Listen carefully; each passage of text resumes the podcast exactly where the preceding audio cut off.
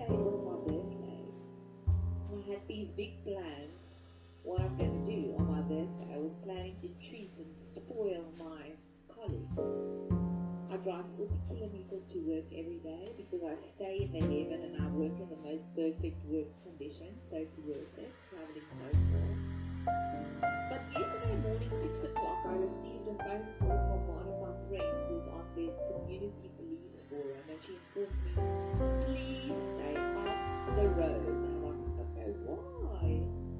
And she informed me that there was a very aggravated, aggression-full taxi strike. And she said she's they are block, blocking all our roads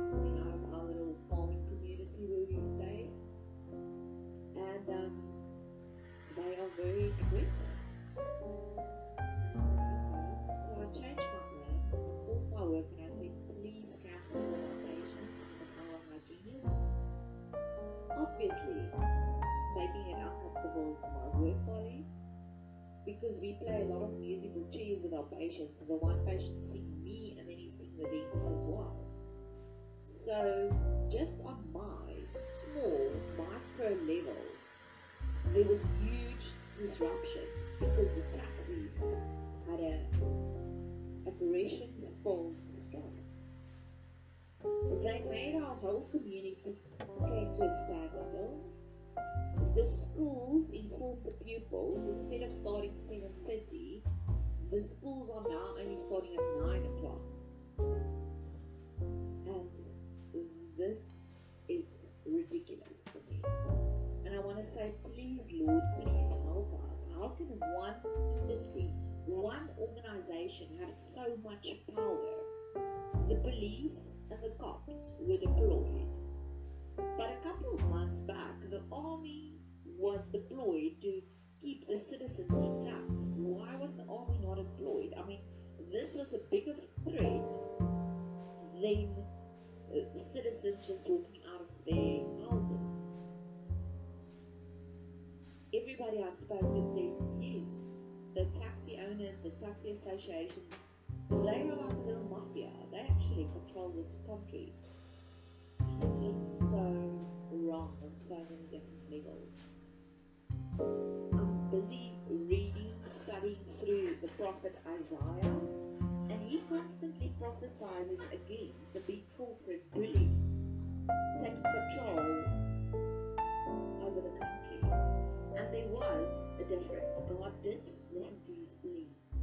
And this is what I'm doing currently is to say, Lord, we can't allow the taxi industry to control us. They blocked the roads coming in and out of Pretoria, especially from Joburg, our economical hub. They blocked the roads on the M4 coming in from the east because they wanted to protest and go and deliver a memorandum. The purpose of this memorandum was listen to this, it's so ridiculous. They believe they did not receive enough money from our government in COVID to relieve them. They did receive money. As a matter of fact, most of them received 5,000 Rand a month to compensate for their loss of income. Please note, it's only a loss. They did not have no income because the taxis decided that they're still going to provide transport, even though the whole country was in full lockdown. They did receive money. Most of us. A lot of us received not a single cent from that relief fund, but they are unhappy. I'm thinking about the, ba- the baby that cries the loudest gets the most milk. That's what what happened here yesterday. One of my friends have a guest house, and she's not received a cent from the UIF, the unemployment fund, for the past couple of months. You don't see her going on strike, and she employs a couple of people as well, where the taxi owners mostly they only provide for one family, for one household. Another thing that really upset me, not only uh, the aggression, the bullying, it is a typical case of bullying. The other thing that really upset me is they were aggressive. We received a lot of videos on social media about how they assaulted drivers using pangas, using sticks, using stones, and then actually vandalizing their vehicles.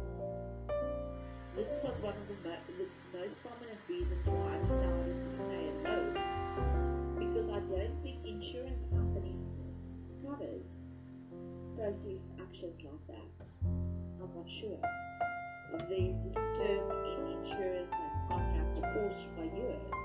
It was a basically a force majeure, a big disastrous moment that they don't cover. The taxi strike, the taxi protest, was one of the most outrageous actions I have witnessed here in South Africa.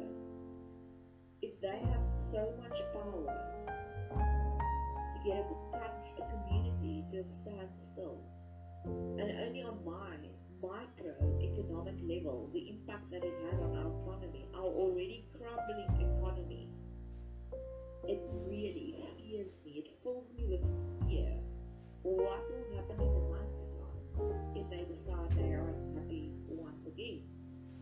Because I'm sure they're to get money. Even though people like my friend who has the guest house must just get by without receiving any money. Our economy is already crumbling. I spoke to a beautiful 16 year old daughter yesterday. She said, My dad has not received his tax money back because they don't have money. And that's the truth. Our economy is already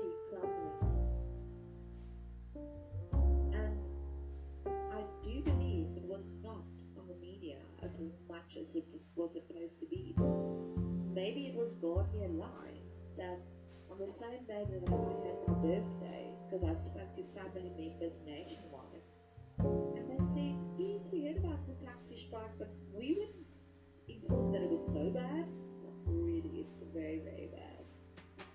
It was more prominently advertised and distributed on social media, on WhatsApp groups, than what it was on mainstream media. I spoke to my practice manager yesterday morning just after 6, informing her that I can't come to work. And I, my first question was, and I know that she listens to the news. So I said, Are you hearing what's going on in our community? She's like, No, I didn't hear. So I made a podcast in the past before about the mainstream media being our biggest enemy. Once again, just like the farm murders, it's being blotted out in mainstream media how severe it was yesterday. And this is me raging against the machine. This is me praying to God to please intervene. Because I know every opportunity where there's disaster, every chance where there's a problem, it is just once again another invitation for us to rush into God's throne rooms and to say, Please, Daddy, help us.